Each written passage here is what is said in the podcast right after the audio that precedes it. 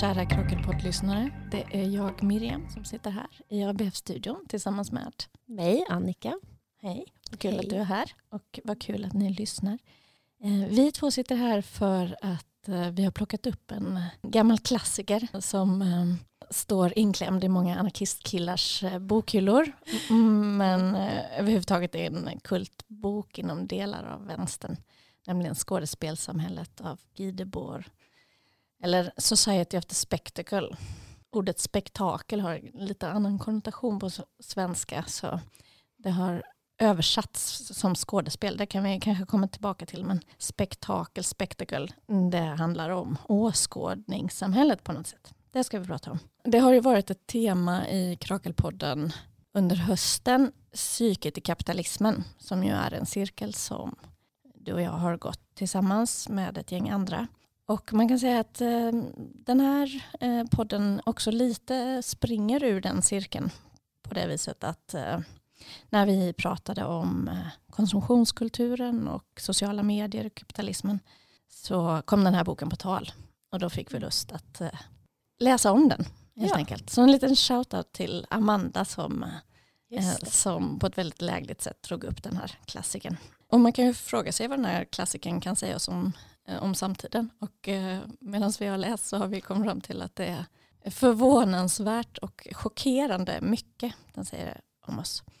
Men om man bara ska säga någonting om den idéhistoriska bakgrunden så är den skriven och utgiven 1967 och eh, i allra högsta grad en bok som influerade 68 vänstern i Frankrike framförallt men också globalt. Den är från början utgiven då i Frankrike på franska. Och eh, Guy Debord kallas då för situationist, eller han var en del av situationiströrelsen som i sin tur man kan säga en del av en postmarxistisk rörelse som framträdde vid den tiden.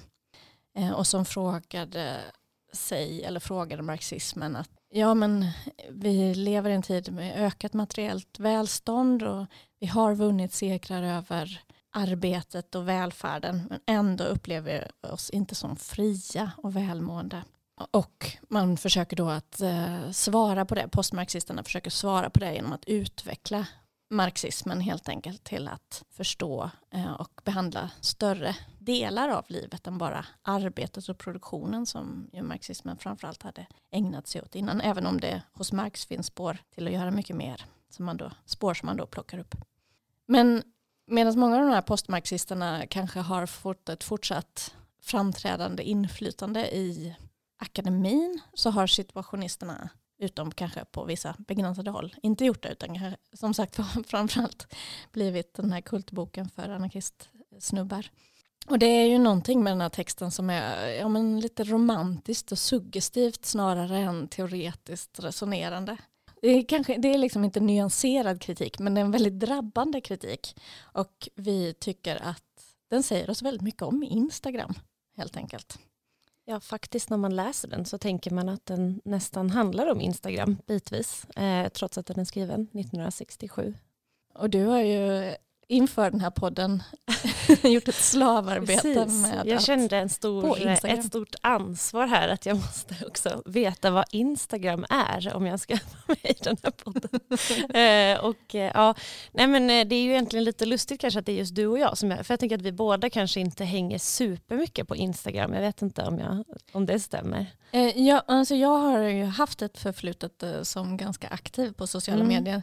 Så att jag känner igen mycket av det jag har ägnat mig åt. Mm. Mm. Men det är som att vi är båda sådana haters liksom. Alltså du är någon sån avhoppare och jag är en sån eh, delvis vägrare då. Ja. Men eh, alltså jag har ju ändå skaffat Instagram då för några år sedan och hängt där. Men det, alltså det jag har lärt mig då inför det här avsnittet är ju vilken otrolig skillnad där på kanske det Alltså alla har ju sitt Instagram eller vad man ska säga. Eh, och det jag gjorde inför det här avsnittet var att försöka följa väldigt stora influencers. Eh, jag fokuserade väl på svenska men följde också typ Kylie Jenner för att jag läste Liv Strömquists eh, nyaste bok. Mm. Och det var ju liksom, det var, det var chockerande annorlunda från, från mitt Instagram som mest är ledsna tjejer och socialister som skriver om teori typ och kanske lite barnpsykologer och så. Men nej, så det var väldigt annorlunda. Och alltså inledningsvis kände jag mig inte så drabbad av det här hypnotiska liksom, i eh, influencerkulturen. Och sen så plötsligt så hittade jag då den, alltså min vad ska man säga, ja, den influencer som hypnotiserade mig och gjorde mig till liksom, ja, besatt åskådare av hennes liv. Och det var Britta Zackari som är, ja, jag tror att hon kanske har arbetat som modell och liksom lite inom media så här, jag är inte riktigt säker. Nu verkar det som att hon framförallt, alltså hon har en gård tillsammans med sin man och så renoverar hon den Ja. Så går hon mest bara runt där och är väldigt liksom snygg och cool och renoverar och jag vet inte. Eh, och det är liksom, jag har kommit på mig själv med att bara så här, eh, ja, jag har en väldigt komplicerad relation med Britta Zackari nu. Men alltså nu, nu, så jag känner ändå att jag har, eh, jag, jag förstår nu. Lite. Du har blivit insugen i den här världen, ja. så nu kan du tala som en insider. Ja, exakt, nu kan jag göra liksom autentiska utsagor om, om det här fenomenet. Eh, nej, men på tal om Liv Strömquist så har ju det här ämnet om hur våra offentliga jag koloniserar eh, oss inifrån avhandlats en del i Stormens utveckling. Jag tänker att det kanske finns en viss överlappning mellan eh, Stormens utvecklingslyssnare och eh, eller snarare Krakelpoddens lyssnare och Stormens utvecklingslyssnare. Och där har de pratat om en teoretiker som heter Hans-Georg Möller som eh, har ett begrepp som heter profilicity som då handlar om hur vi allt mer lever utifrån den här bilden, våra profiler helt enkelt. Men vi tänker att eh, De Boer visserligen pratar om bilder och vi kommer prata en hel del om bilder men också bidrar med en marxistisk analys som lägger ett till lager på vad det här fenomenet egentligen är och också då med andra ord visar på en väg till motstånd. Benämner det som en del av kapitalismen helt enkelt. Men om vi ska börja med att, att sammanfatta den här boken innan vi går in på några specifika delar då, eh, så handlar det ju om konsumtionskulturen.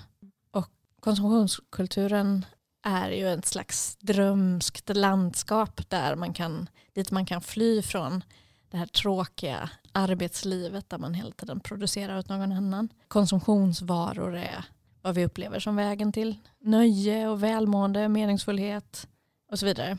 Och skådespelet, skådespelsamhället är då den samhällsvärld där väldigt mycket av vårt levande och våra relationer och så vidare utspelar sig genom konsumtion och genom medialiserad konsumtion väldigt mycket.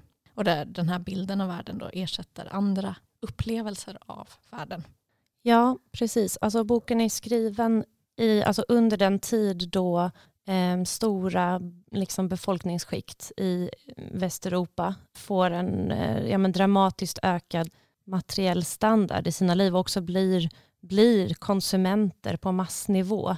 Det vill säga att det föds liksom en, en ny roll egentligen inom det kapitalistiska samhället. Då. Eh, rollen för arbetaren som konsument. Alltså produkter som tidigare kanske var mycket få människor förunnade blev ju tillgängliga på massiv skala. Och eh, alltså situationisterna och Gud vår hade ju en kritik av liksom vad detta gör med människor och, och med samhället. Och det är ju precis det som, som du säger, att varan koloniserar hela liksom människans liv och allt levande blir snarare skådespelsartat och bildsatt. Mm. Det Bohr eh, beskriver som att det, det, det, sker ett skifte från att vara till att hava till att synas vara. Det här skiftet har samhället genomgått och då under kapitalismens olika faser. Men, men det här är som sagt var inte bara en analys av eh, vad som eh, synes vara eller av bilder utan det här är också grundat i en marxistisk ekonomisk analys som dels handlar om skådespel som ideologi, vilket vi ska komma tillbaka till. Men skådespelet är i sig också en avancerad och omfattande ekonomisk sektor som skapar bilder och berättelser. Och det är bara att tänka på all media, all reklam och PR och underhållningsindustrin, den enorma plattformsekonomin av idag och så vidare. Som på samma gång är reklam för all annan ekonomisk verksamhet i princip. Men också i sig, som det både uttrycker det, det nuvarande samhällets viktigaste produkt. Det, det är skimret runt varje annan produkt. Eh, det är det som får Britta Zackaris puffärmar att verka helt magiska. Det är det som får mig att vilja ha Britta Zackaris puffärmar. Ja, jag tänker att ett belysande sätt att fånga det här är att fundera på hur mycket reklam man ser som inte beskriver produktegenskaper utan bara omger produkten med olika symboliskt bärande bilder och som vi hela tiden lever i relation till. Det är skådespelsamhället. Och så här drabbande börjar den här boken. I de samhällen där det moderna produktionssamhället härskar ter sig allt liv som en oerhörd anhopning av skådespel. Allt som tidigare upplevdes direkt har fjärmats till en återgivning. Och det, det eh, slår an väldigt väl i min egen upplevelse av hur det var att leva livet eh, på Instagram. Istället för att man eh, fyller sitt liv med upplevelser så fyller man det med bilder eller återgivningar av de här upplevelserna. Och det är, det är ju någonting osannolikt med att detta skrevs på 60-talet när det är så mycket mer sant idag. Men jag tänker att det som är skillnaden är att det Debord den, eh, den mediatid som De Boer skildrade då var ju en mediatid där som han beskriver människor sitter framför tv-apparaterna som passiva åskådare då till en, en kändiskultur. Och eh, den stora skillnaden är att det har intensifierats så enormt att vi nu alla deltar eh, eller i mycket högre utsträckning i alla fall. Vi alla agerar som kändisar i relation till våra små mikropubliker i sociala medier. Men det han har att säga om kändisarna är ju inte sådär jättesmickrande.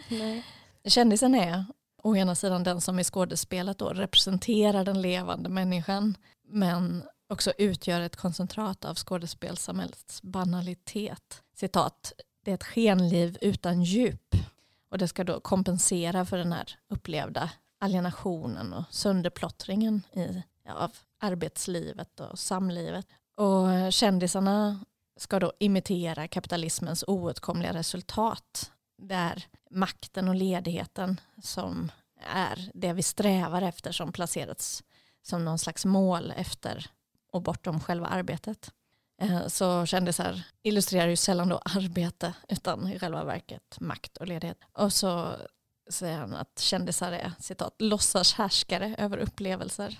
Det tycker jag är en rolig och träffande beskrivning. Men det är å andra sidan också motsatsen till en individ som står i någon slags sann kontakt med sig själv. Som har avsagt sig självständighet för att identifiera sig med underkastelsen under skådespelsamhället. Citat. De beundransvärda människor som personifierar systemet är väl kända för att inte vara det de är. De har blivit stora genom att sänka sig under det torftigaste individuella liv. Och det vet alla. det är hårt. ja, men, ja, men det är också så, det är ju någonting som är så sant. Alltså någon ja. som lever sitt liv helt och hållet genom media är ju otroligt underkastad mm. sin egen berättelse och sin egen yta. Det är torftigare än det torftigaste arbetarliv på ett sätt i sin ofrihet, även om det kan vara nog så luxuöst såklart. Jag tänker på, ja men The Kardashians är väl verkligen härskare över upplevelser. Eller Britta Zackari.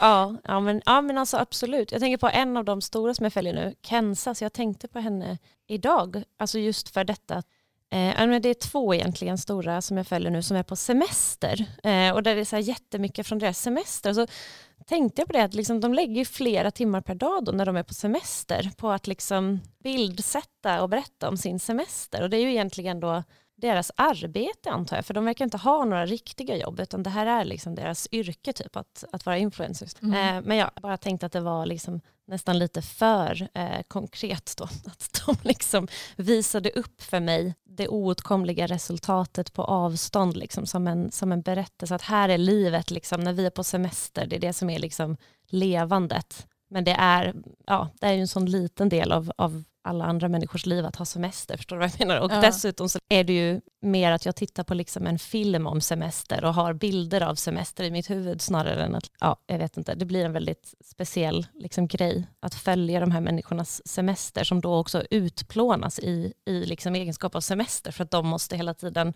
visa mig sin semester. Det bara, ja. Eh, ja. ja men eh, alltså det här fenomenet som det bor beskriver är ju verkligen intensifierat i influensen som ju eh, verkligen lever i det ofriaste av liv kan man tänka sig.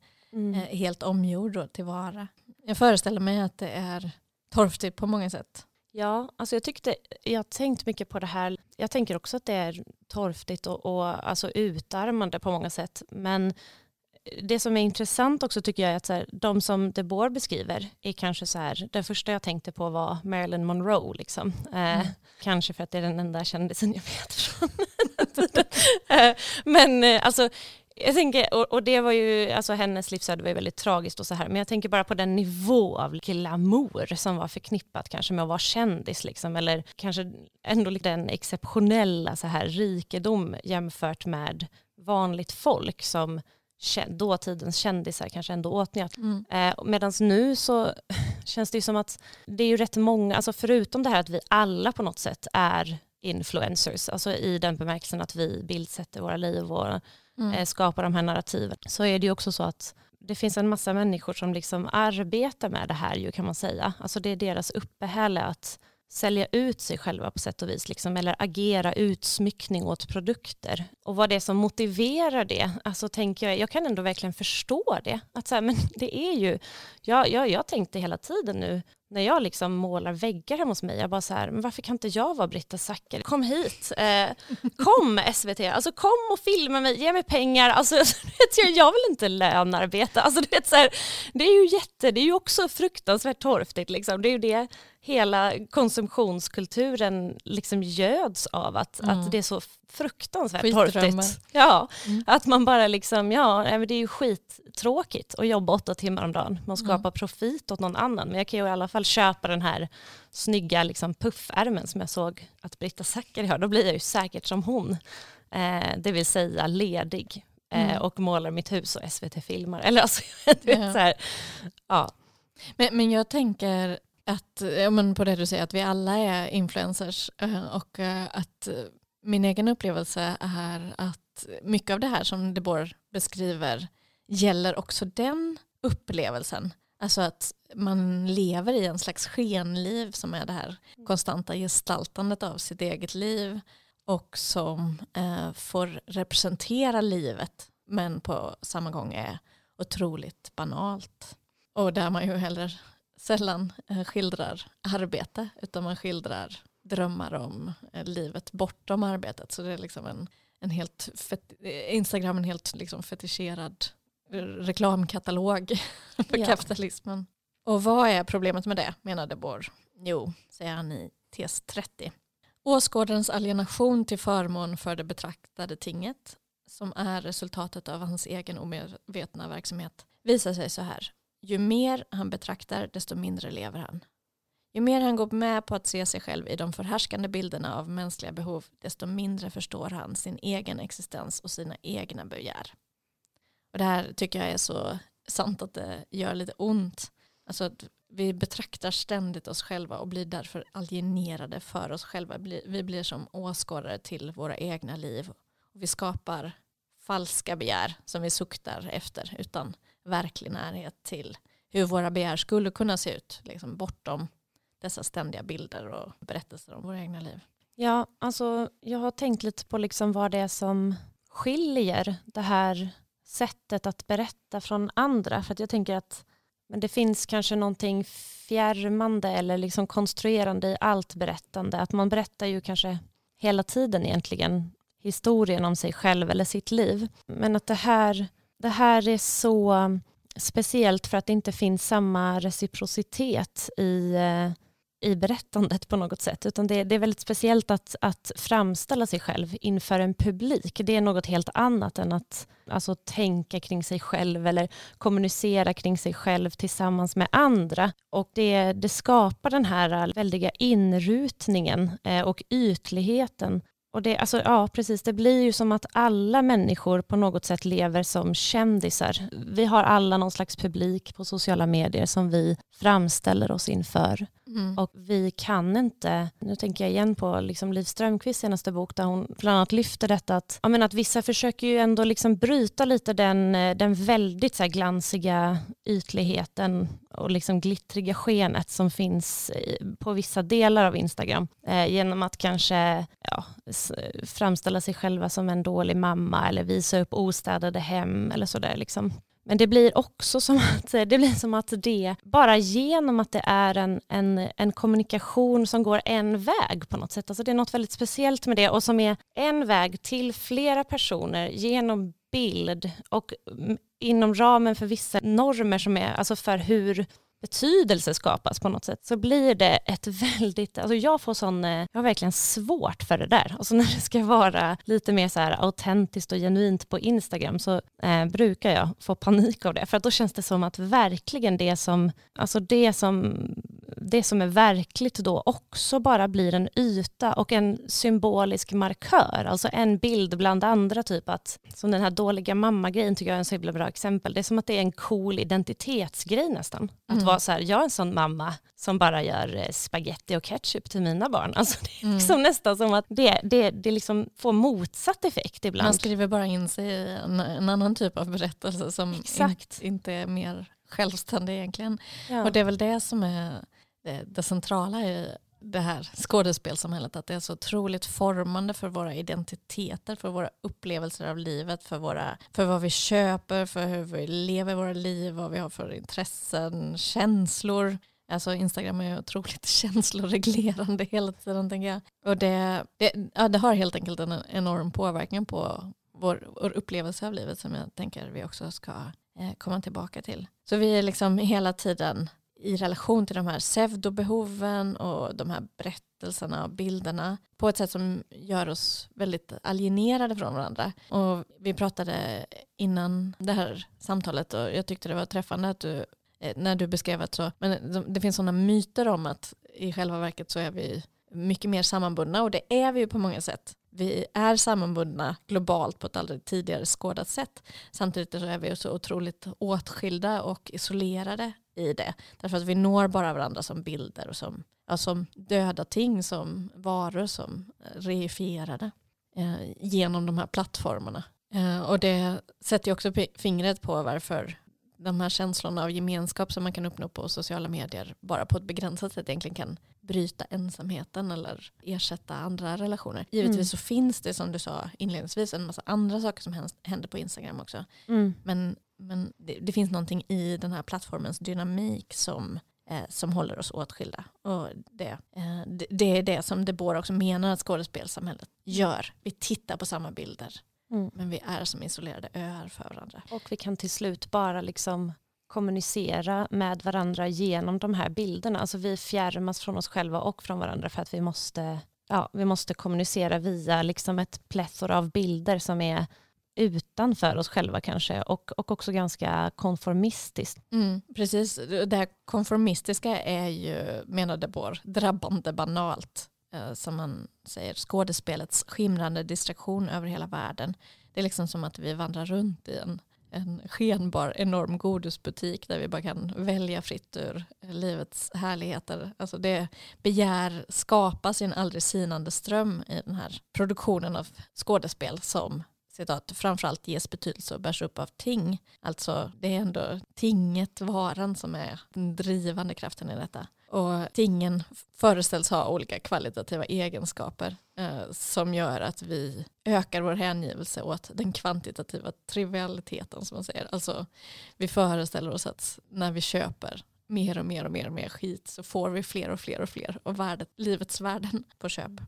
Så eh, den här kulturen är liksom en slags konstant imitation utan original. Ingenting är någonting längre. Det är mycket yta, lite som känns. Och även det som försöker verka som verkligt innehåll är yta eller skådespelsartat. Mm. Och det här är Debors bild av verkligheten då, som jag ändå tycker har sina poänger. Men vi tänkte lyfta upp tre delar då av, av Debors teori och fokusera på dem. Och det första är då bildens centralitet och där har vi ju redan varit inne lite. Sen ska vi prata om skådespelsamhället som konsumtionssamhällets ideologi och relationen till varufetischismen som är ett marxistiskt begrepp. Och sen slutligen den existentiella dimensionen i detta. Hur är det att leva i detta? Men om, eh, om vi börjar med det här med bilden. Eh, jag har ju också läst Liv Strömqvist senaste. Och där hänvisar hon till Susanne Sontag som menade att fotograferandet sätter oss i en kronisk voyeuristisk relation till världen. Och Strömquist skriver då att det som hänt i selfie-samhället är att vi upprättat en kronisk voyeuristisk relation till oss själva. Och det här är ju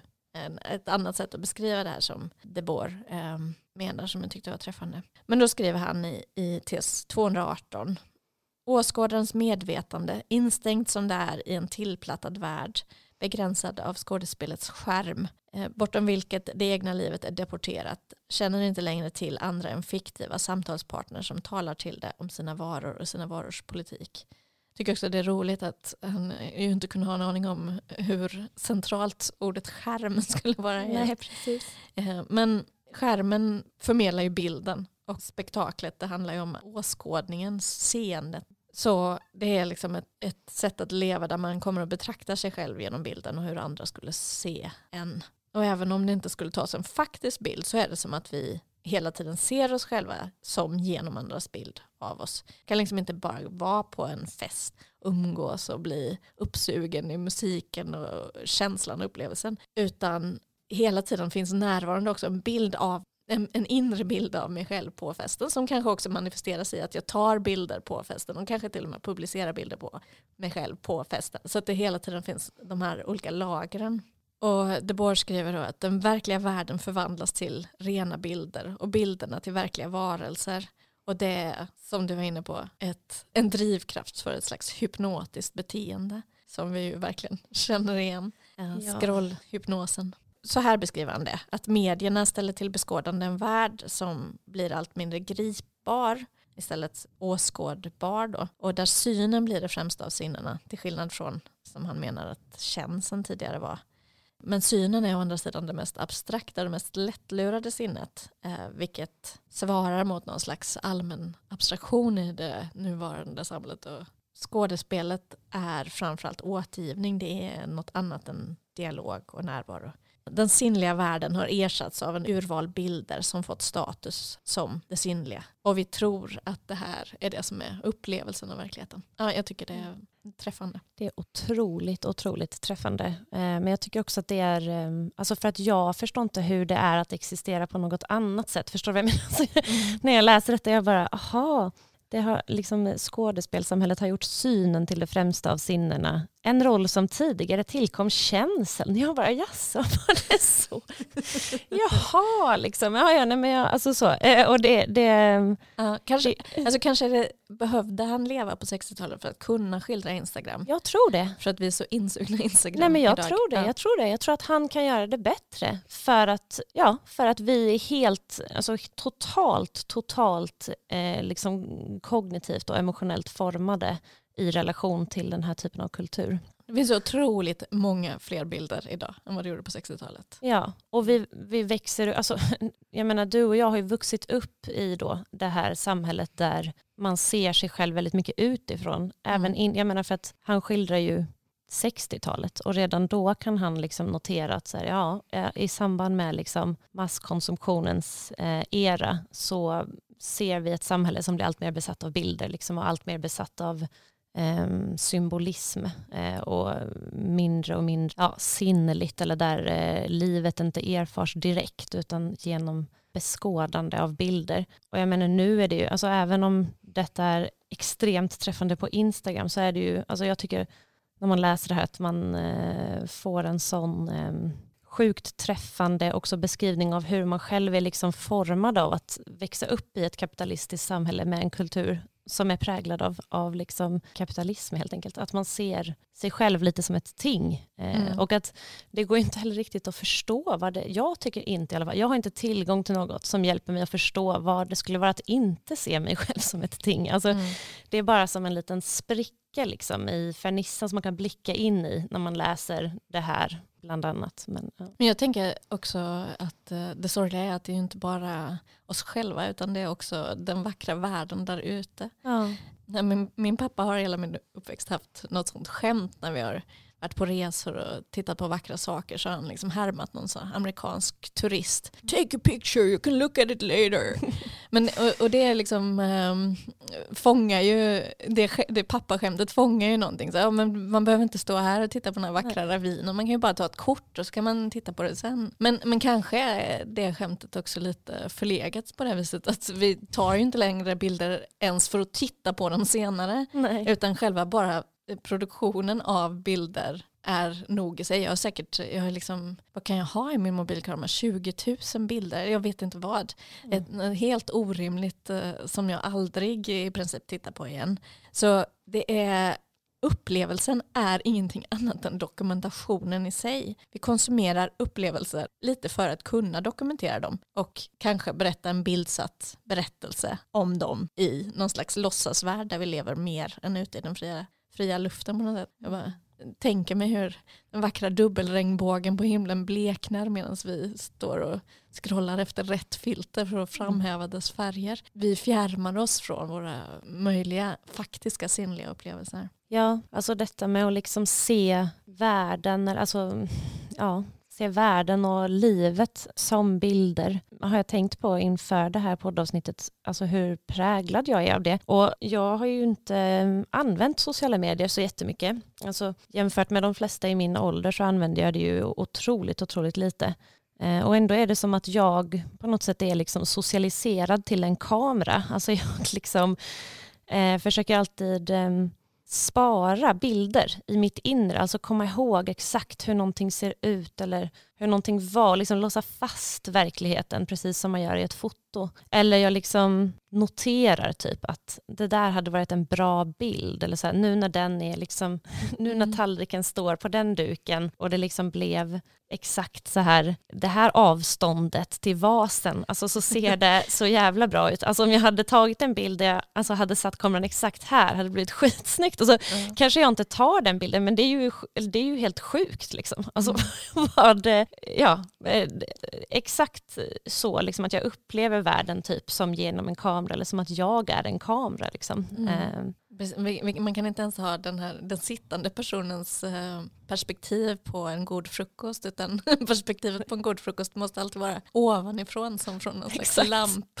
Eller jag menar det är ja. då det är snyggast Miriam, alltså det, och det måste man ju tänka på. Alltså, det är liksom inte, man måste alltid beskåda sin frukost från den bästa vinkeln innan ja. man kan äta den naturligtvis.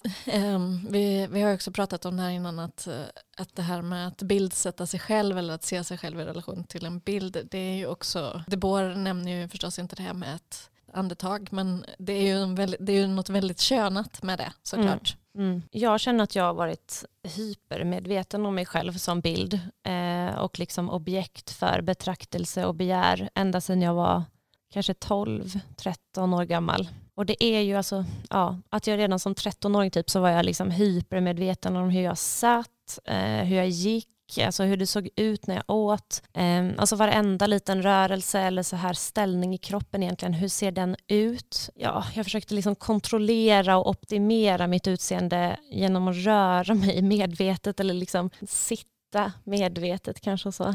Som att man liksom ska vara fotogenik i sin kropp konstant. Ja, eller man är, alltså, man är hela tiden medveten om att man är beskådad eh, mm. på något sätt. Eller det känns som, som det eh, i alla fall. Och det var någon som jag pratade med nyss som sa att Eh, apropå liksom medelålders mäns totalt obrydda liksom, attityd till att bli sedda när de petar sig i näsan så var hon så här själv så liksom känns det som att man lever i liksom en glasbur som hänger någonstans liksom på en offentlig plats och alla står liksom och pekar och skärskådar varje centimeter av ens kropp och bedömer den. Men ja, eh, det finns ju e-, e-, en enorm kunskap som, eh, som många av oss har om typ hur man sminkar sig, hur man klär sig, Alltså hur får man ögonen att se större ut? Hur får man sina kindben att framträda? Hur ser man naturlig ut? Den är min favorit. Eh, och hur, liksom, eller hur, ser man, hur ser man järv ut? Alltså hur ska man klä sig för att framhäva midjan? Hur ska man dölja sin mage? Hur ska man få benen att se lagom långa ut? Och slanka men inte spinkiga. Och, ja, man har hela tiden koll på allting som kan liksom gå snett eh, i framställelsen av sig själv om man har en enorm kunskap. Alltså jag vet så mycket om typ ja, men krämer och hårvårdsmetoder och eh, rynkor och hur man undviker dem och ja, vilka byxor man ska ha när man har en viss kroppsform och sån skit. Liksom. Och det är ju, ja. Ja, nej, men det är ju verkligen eh, också extremt, eh, relaterar ju extremt mycket till varor mm. eh, och till konstruerade begär eh, mm. som, eh, som vi ska imitera Ja, och det, är ju, ja, det har ju alltid varit en, alltså även på 50-talet, jag tror att det är typ från 50-talet, jag stötte på någon reklam som var liksom för antirynkkräm som innehöll uran tror jag. Eller något sånt skit, liksom. Alltså det, har ju, det här har ju alltid varit ett, en specialiserad marknad. Liksom. Mm. Eh, men nu känns det ju alltså, verkligen, alltså, inför det här avsnittet då, när jag har följt alla dessa stora kommersiella tjejinfluencers så blev jag liksom ganska chockad över hur långt alltså det här ändå... Det känns som att detta har blivit värre på vissa sätt. Alltså att det finns som jobb nu att göra om sig själv bara till vara. Framförallt för kvinnor. Ja, som, alltså som, ja, dels är man själv egentligen produkten. Alltså liksom hårvårdsprodukterna som de här influencer-tjejerna säljer är ju, alltså känns i alla fall sekundära på något sätt. Alltså det är liksom, man köper dem, man köper deras liv, deras skimmer. Liksom. Det är ju det. Eh, och det, det, är väldigt annorlunda från bara liksom, vad ska man säga, alltså så här känslomässiga konnotationer i någon reklam liksom på 60-talet som får någon att känna att ja, men jag kanske skulle vara lite sexigare om jag hade den här urankrämen. Då kanske jag kan liksom hindra mitt förfall. Eh, men alltså det, det, är ju helt annorlunda. Att, alltså, jag tänker att när man köper liksom Kensas hårvårdsprodukter så konsumerar man liksom Kensa. Alltså mm. hennes typ existens. Liksom, eh, mm. Och det är, ja, det är, det är väldigt speciellt. Ja, det, det, jag tror vi måste slänga in lite Marx här för att kunna mm. hantera den här det låter bra. Banala tragiken. Ja. Jo, för att eh, De Boer skriver ju också, och det här är ju centralt redan i tes 4, att skådespelet är inte en samling bilder utan ett socialt förhållande mellan människor som förmedlas av bilder. Och i tes 6, skådespelets form och innehåll rättfärdigar i sig helt och fullt det existerande systemets villkor och ändamål. Skådespelet utgör också den ständiga närvaron av detta rättfärdigande genom att det ockuperar största delen av den tid som upplevs utanför moderna produktionen.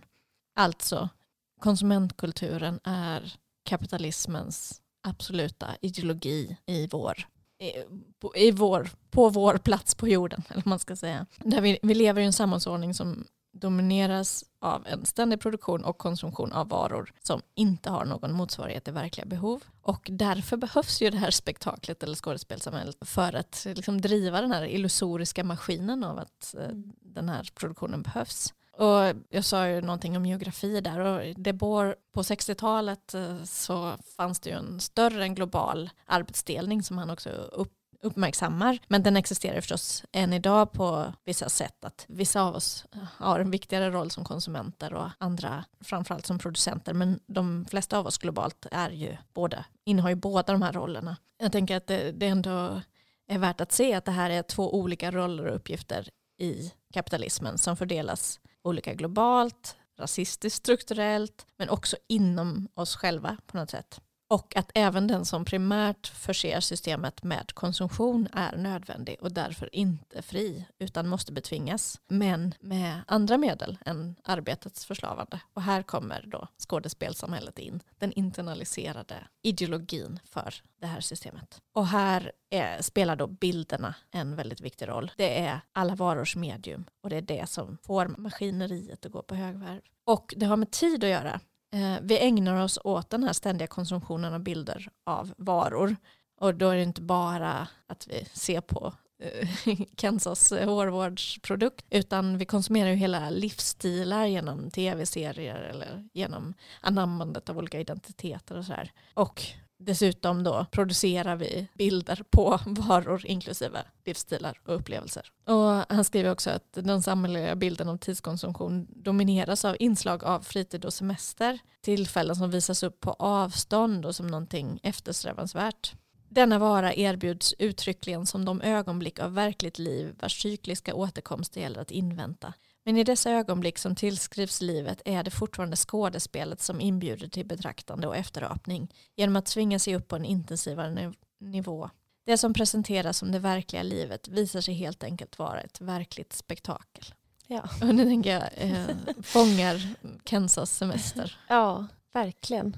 Eh, men eh, den här ideologins uppgift då är ju att rättfärdiga kapitalismen och få oss att vilja ha den och vilja leva i detta och inte protestera. Så när Instagram drar in oss i de här drömmarna om vilka vi vill vara som individer och lockar till konsumtion. Och där är vi insugna under all den tid då vi inte producerar. Så när vi inte producerar konsumerar vi antingen faktiskt genom att köpa saker eller genom att ägna oss åt ett förtingligande av oss själva och andra genom att konsumera oss och andra som bilder. Det, det är vad vi gör med väldigt mycket av vår vakna tid. Ja, verkligen. Det känns också som en av de alltså vanligare, en av de vanligaste liksom invändningarna mot Instagram, alltså de som inte bryr sig så mycket om eh, integritetskränkningen till exempel, eller att det egentligen typ är ett stort shoppingcentrum. Alltså jag har aldrig köpt så mycket saker som när jag skaffade Instagram. De vet exakt vad jag vill ha. De vet bättre än jag. Alltså det är helt sjukt. Men det är, har du hittat det är, puffärmen? Nej, de har inte fattat det än. Det är för nytt. Det kommer. det kan också vara att de bara magiskt känner på sig att jag lite också är arg på Britta. för att jag vill, ha, jag vill ha hennes ärm och hennes liv. Men eh, vad heter det? Nej men det, alltså jag bara tänker att det är ju jättevanlig liksom bedrövelse det här att man typ plockar upp sin telefon för att kanske svara på ett sms och så en och en halv timme senare så är man bara så här, vad hände? Alltså vad hände? Jo, jag råkade typ rutinmässigt öppna Instagram-appen och så, så bara försvann en timme av mitt liv. Liksom. Eh, och om man då kopplar det också till faktiskt vad det är, att man både eh, med sin liksom, uppmärksamhet och hela sin existens egentligen producerar ett skimmer åt varor ja, och data liksom, åt stora företag, så, så blir det ju alltså, otroligt, otroligt tragiskt att tänka på detta. Liksom. Och eh, Debor har en, eh, en fin analys av varors betydelse för oss i senkapitalismen här i, i T67 som jag tänker slänger in den här. Den är sann nog i sig själv. Han menar att överflödesvaror inte längre skänker oss tillfredsställelse nog genom att användas. Det räcker inte att eh, vi har dem utan det är tillfredsställelsen i dess värde just som vara. Alltså symboliken i att vi har dem snarare. Så utbreder sig vågor av entusiasm med stor hastighet kring en given produkt som stöttas och blåses upp av alla medier. Ett klädmode uppstår ur en film, en tidskrift gör reklam för klubbar som i sin tur lanserar olika utstyrslar. Prylen är ett uttryck för att själva det befängda har blivit en särskild vara i en tid då mängden av varor rasar i ett skred mot befängdhet. Och sen den förtingligade människan visar upp beviset på sitt förtroliga förhållande till varan. Precis som i den tidigare religiösa fetischismens krampaktiga hänförelse och helbrägda görelse uppnår man också i varufetischismen ögonblick av frustande upphetsning. Ja, det är väldigt eh, ja, otäckt träffande. Ja, just den här religiösa stämningen kring, kring varor ja. Eh, och vad vi föreställer oss att de ska göra med våra liv. Jag tänker direkt på alla som jag har läst nu senaste dagarna vars liv har förändrats av hårvårdsprodukter. Vilket jag, alltså jag menar verkligen inte I relate liksom, absolut. Man hittar någon sån hårvårdsprodukt och man bara gud nu är allting jättebra liksom. Eh, och det är, det, är ju, alltså det är ju också typ viktigt eftersom man lever i det här. Ja, man har ju de här värdena liksom. Så. Men det, ja, verkligen kan man ju känna igen sig i den här frustande upphetsningen av liksom eufori eller total hänförelse kring i själva verket högst banala föremål mm. som, alltså vars existens grundar sig på majoriteten av jordens befolknings ja, underkastelse under liksom så här utsugning och exploatering livslång. Så det, det, är, ju, det är tråkigt att man ska behöva liksom dyrka vid det altaret, eller hur? Mm. Men jag tycker det är roligt att eh, det bara har liksom en, eh, en beskrivning av vad det är som är så lockande med att vara konsument. Och han menar att citat, i sin roll som konsument finner sig arbetaren plötsligt befriad från det förakt som tillkommer honom i all organisering och övervakning av produktionen. Utanför denna behandlas han till synes som vuxen och med, beställsam artighet. Det är varans humanism som tar hand om arbetaren under hans arbetsfria tid som människa. Slutcitat. Alltså, vi ehm, inser inte att vi är dominerade av varor utan vi uppfattar det snarare som en befrielse detta att vi eh, kan spela ut vår mänsklighet genom våra val att konsumera. Det tycker jag, alltså det tycker jag är väldigt stark igenkänning i liksom, den upplevelsen. För Mm. mig i alla fall. Visst. Men om den konsumerbara överlevnaden ständigt måste öka så beror det på att den alltid innehåller ett berövande, säger De Boer. Och det här berövandet är ju ett utarmande. Alltså vi blir helt enkelt exploaterade Mm. i, i den stunden. Och jag tänker vi ska göra en liten utveckling, utvikning här kring det här med varufetischismen och kopplingen till kapitalistiska maktförhållanden helt enkelt. Ja, vi har ju redan egentligen på, med många ord beskrivit vad varufetischism är. Alltså det är detta att göra varor till magiska ting eh, där det centrala blir att det helt förfrämligas för oss hur de har producerats. Jag bara tänker om jag tittar på sakerna runt mig eller på det jag har, eh, kläderna jag har på mig så har jag absolut ingen aning om produktionsförhållandena. Alltså jag kanske skulle kunna titta på en lapp var de är producerade men ehm, vilka villkor, eh, vilka, vilka tekniker, ingenting. Eh, är tydligt för mig. Däremot så har jag otroligt god kunskap om, eller försöker i alla fall ha, om de här klädernas symboliska betydelse. Vad signalerar jag om jag har på mig den här tröjan, de här skorna? Vem blir jag i det här samhället? Och, så. och det är, tänker jag, vad varufetischismen gör med oss. Så vi lever med alla de här varorna som om de inte vore producerade utan bara magiskt hade dykt upp här eh, för att eh, skapa symbolik i vår eh, verklighet. Och ehm, eh, De Boer skriver ganska mycket om det här med varufetischism för att han också hela tiden pratar med Marx i den här texten. Och i Marx, eh, i kapitalet framförallt, så är ju de centrala begreppen varors bytesvärde och bruksvärde. Och bruksvärdet är liksom det konkreta vi kan göra med tingen, att ha skorna på sig. Så. Men bytesvärdet är det fiktiva ekonomiska värdet i relation till kapitalet. Alltså varför jag har betalat de här sko- så mycket för de här skorna eh, handlar ju inte om att eh, jag kan ha dem på mig utan eh, det finns en massa andra eh, värden i dem. Och det är det som har hänt att med tiden så har bruksvärdet börjat spela en allt mindre och till och med helt försumbar roll och bytesvärdet är allt eller det mesta. Och här är då skådespelet helt enkelt den drivande kraften för den här ekonomiska utvecklingen som ju då hela tiden skapar ekonomiska värden för den som äger det som säljs och som samtidigt då effektivt döljer arbete, ägande och produktionsförhållande. Tes 24. Det fetischistiska skenet av ren objektivitet döljer att skådespelets relationer är förhållanden mellan människor och mellan klasser. Och 42. Skådespelet betyder att varan har uppnått en fullständig ockupation av samhällslivet. Inte bara är varuförhållandet fullt synligt, det är det enda man kan se. Den värld man ser är varans värld. Vi ser alltså inte arbetets värld eller produktionens och framförallt inte ägandets värld. Och en annan viktig marxistisk poäng som De Boer gör som jag tycker är värd att lyfta fram handlar om media och bilder i relation till den tekniska utvecklingen eh, där han framhäver att ja, det är en res ett resultat av en teknisk utveckling men det är inte ett nödvändigt resultat utan det är, det är inte ett objektivt framdrivet resultat utan det är följden av att det, det gynnar kapitalismen. Så de masskommunikationsmedel som omger oss är inte neutrala och dess apparatur är inte neutral utan det är just en utrustning som passar den här kapitalistiska driften. Och ja, det här kan du, om du är intresserad som lyssnare, höra mer om i avsnitten om den digitala kapitalismen. För då pratar vi om just hur det här plattformsinternet förstås inte är en, en teknisk utveckling som, som har uppstått ur intet utan det är följden av att starka kapitalintressen har vunnit en strid om designen av internet. Eller åtminstone leder eh, den konflikten. Så det här där Facebook, Google, YouTube äger det mesta och så vidare. Det är inte en naturlig utveckling utan något som vi har behövt anpassa oss till och nu tar för givet. Och vi är djupt indragna i den här logiken. Och det, det är därför vi pratar så mycket om Instagram. Men Instagram är inte en naturlig följd av människans historiska framåtgång utan Nej. det finns agens där Det är bakom. inte kronen på det evolutionära verket. Det är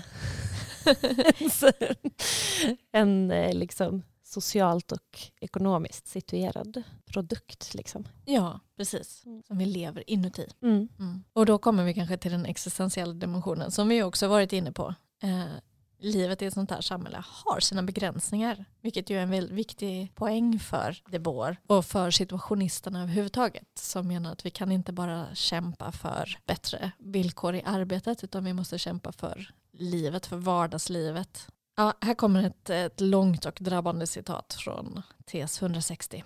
Det ofrånkomliga biologiska inslag som finns kvar i arbetet, såväl i beroendet av den naturliga rytmen i sömn och vaka, som i den individuella irreversibla tidens påtaglighet i att livet slits ut, finner sig helt sonika underordnat i förhållande till den moderna produktionen. Och som sådana ignoreras dessa delar i produktionsprocessens officiella proklamationer och av de konsumerbara troféer som är detta segertågs tillgängliga motsvarighet. Fångat i sin världs förfalskade centrum kan åskådarens medvetande inte längre i sitt liv uppfatta en väg mot dess förverkligande och mot dess död. Den som avstår från att förbruka sitt liv kan inte heller möta sin död med öppna ögon. Livförsäkringsreklamen insinuerar bara att det är brottsligt att dö utan att ha ordnat sina affärer inför en sådan ekonomisk förlust. Och The American Way of Death garanterar största möjliga sken av liv i denna svåra stund.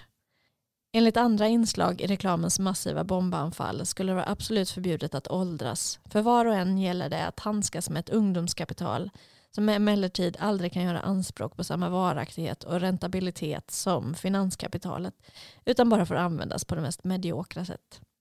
Denna dödens samhälleliga frånvaro är identiskt med frånvaron av liv i samhället.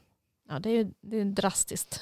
Ja. um, jag tänker att, att uh, vi kommer nära det här med att, att livet slits ut. Det, det finns en ändlighet i livet och det finns uh, ett åldrande och det finns död. Och eh, detta är, är uh, aspekter av livet som skådespelsamhället bara kan hantera inom sin egen logik. Så ja, man kan vara ung men man kan inte fullt ut leva i sitt liv utan det är bara ett ungdomskapital som man ska vårda. Ja, man kommer att dö men även, även då, även kring det så finns det en procedur som är betonad av kapitalismen. Mm. Det, har, det här har, väl, har vi väl nästan eh pratat om. Jag tänker på den uh, Death Drive-pannen mm. i alltså att jag jag försökte hamra in det att det är som att, bara, det är som att uh, vara likgiltig inför livet. Mm. Uh, så, ja, jag delar den här väldigt drastiska mörka synen på liksom, ja.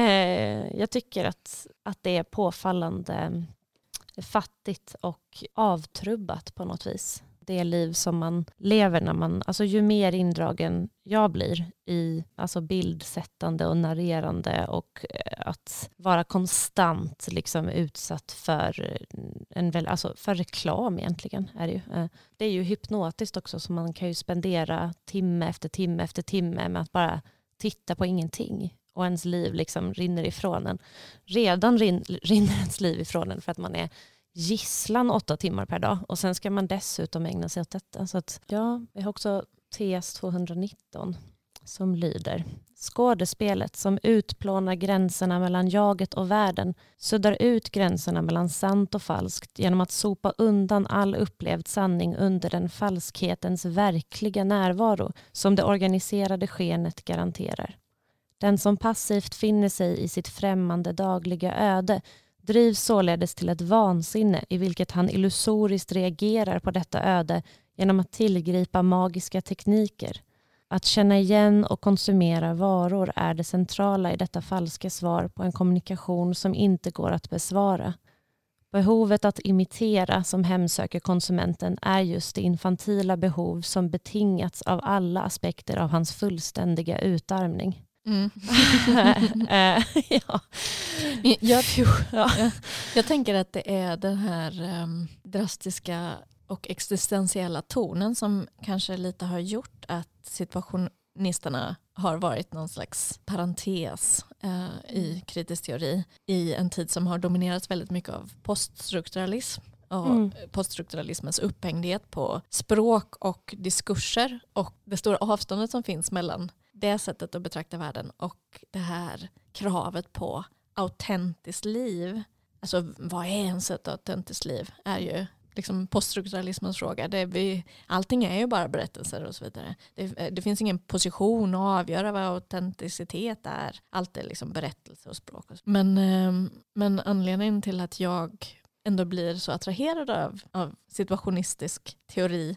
Den här och jag tänker på en annan titel, Vardagslivets revolution av Roll Warnechem. Kanske.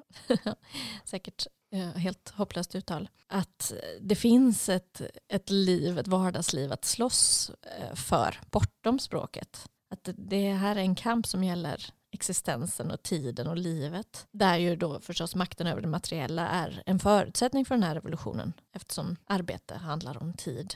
Och jag tycker det är en så upplysande tanke att om det är tiden vi strider för så blir också tiden utanför arbetet värd att slåss för.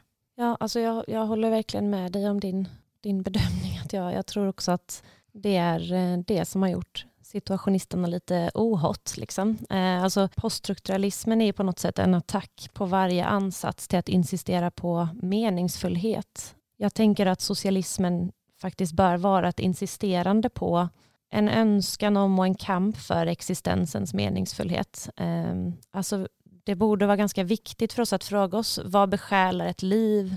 Vad behöver egentligen en människa? Men de frågorna rör sig i väldigt absoluta termer sett från en poststrukturalistisk tanke om vad är ens en människa? Kan man påstå att människor har gemensamma behov? Ja, vad, vad som får ett liv att uppfattas som rikt är väl helt kontextberoende och så vidare. Och rikt i sig är bara en kulturell konstruktion som är helt relativ. En diskurs. Mm. Ja, och samtidigt som jag eh, tycker det är jätteviktigt att, att inte fastna i för liksom, eh, ska man säga, alltså så här strukturalistiska eller så här monolitiska liksom idéer så kan vi inte gå med på det här fullständiga förnekandet av, liksom, av mening. Typ. Eh, mm. Jag tänker att eh, i den här boken så återkommer ordet liksom sanning jättemånga gånger. och jag, alltså jag, alltså jag har ju läst genus va? Eh, och då är man ju bara så här, så det kan du inte komma här och säga liksom att det finns någon sanning. Alltså, du vet, så här, jag Sanningsanspråk är bara maktens Ja men typ så att det är liksom, alltså, att säga så, sanningen är det också. Det, alltså det, det, skulle egentligen varit ett stort S för det är så han använder det. Men ja, och verkligheten är jag väldigt inne på, att vi mm. har liksom fjärmat från verkligheten. Verkligheten finns men vi kan inte nå den längre. Mm. Och det, ja, det har jag ju ett instinktivt skav med då, för jag har liksom läst jättemycket poststrukturalistisk teori. Eh, men men ja, alltså det, den finns ju. Ja, alltså det, det, ja, alltså det. ja, det finns liv som riskerar att bli skådespel om vi inte aktar det. Eh, och den här tendensen vi har att, att hela tiden dokumentera, att uh, skapa den här distansen. Det, det drabbas ju av det som Debord skriver. Ju mer jag betraktar desto mindre lever jag.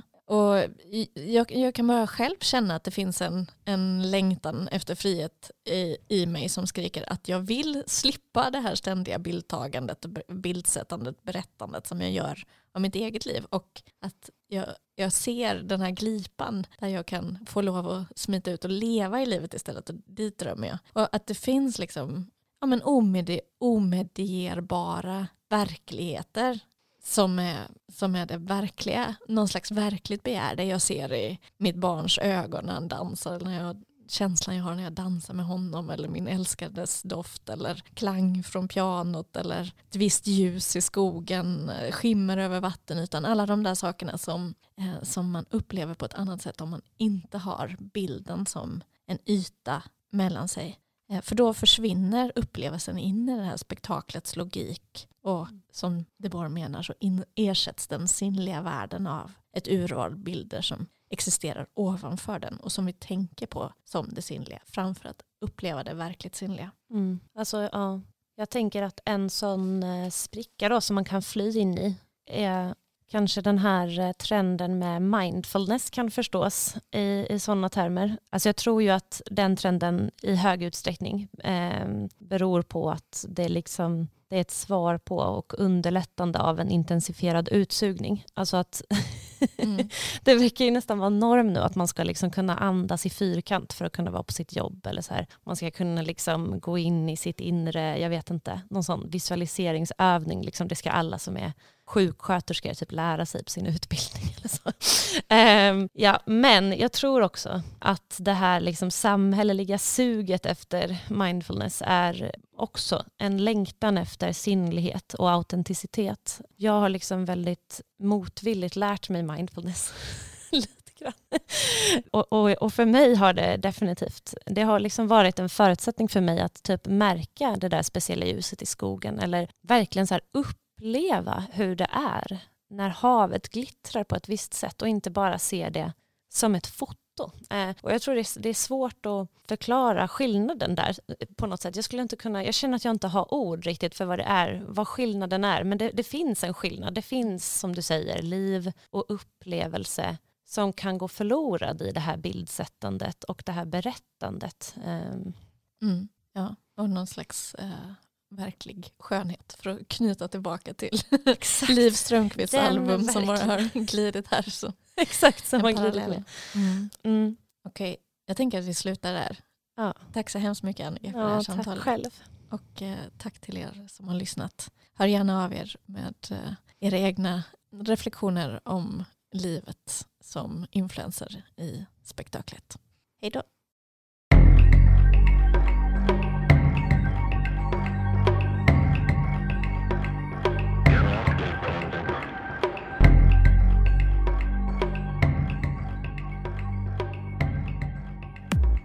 Du har lyssnat på en podcast som görs i samarbete med ABF Malmö.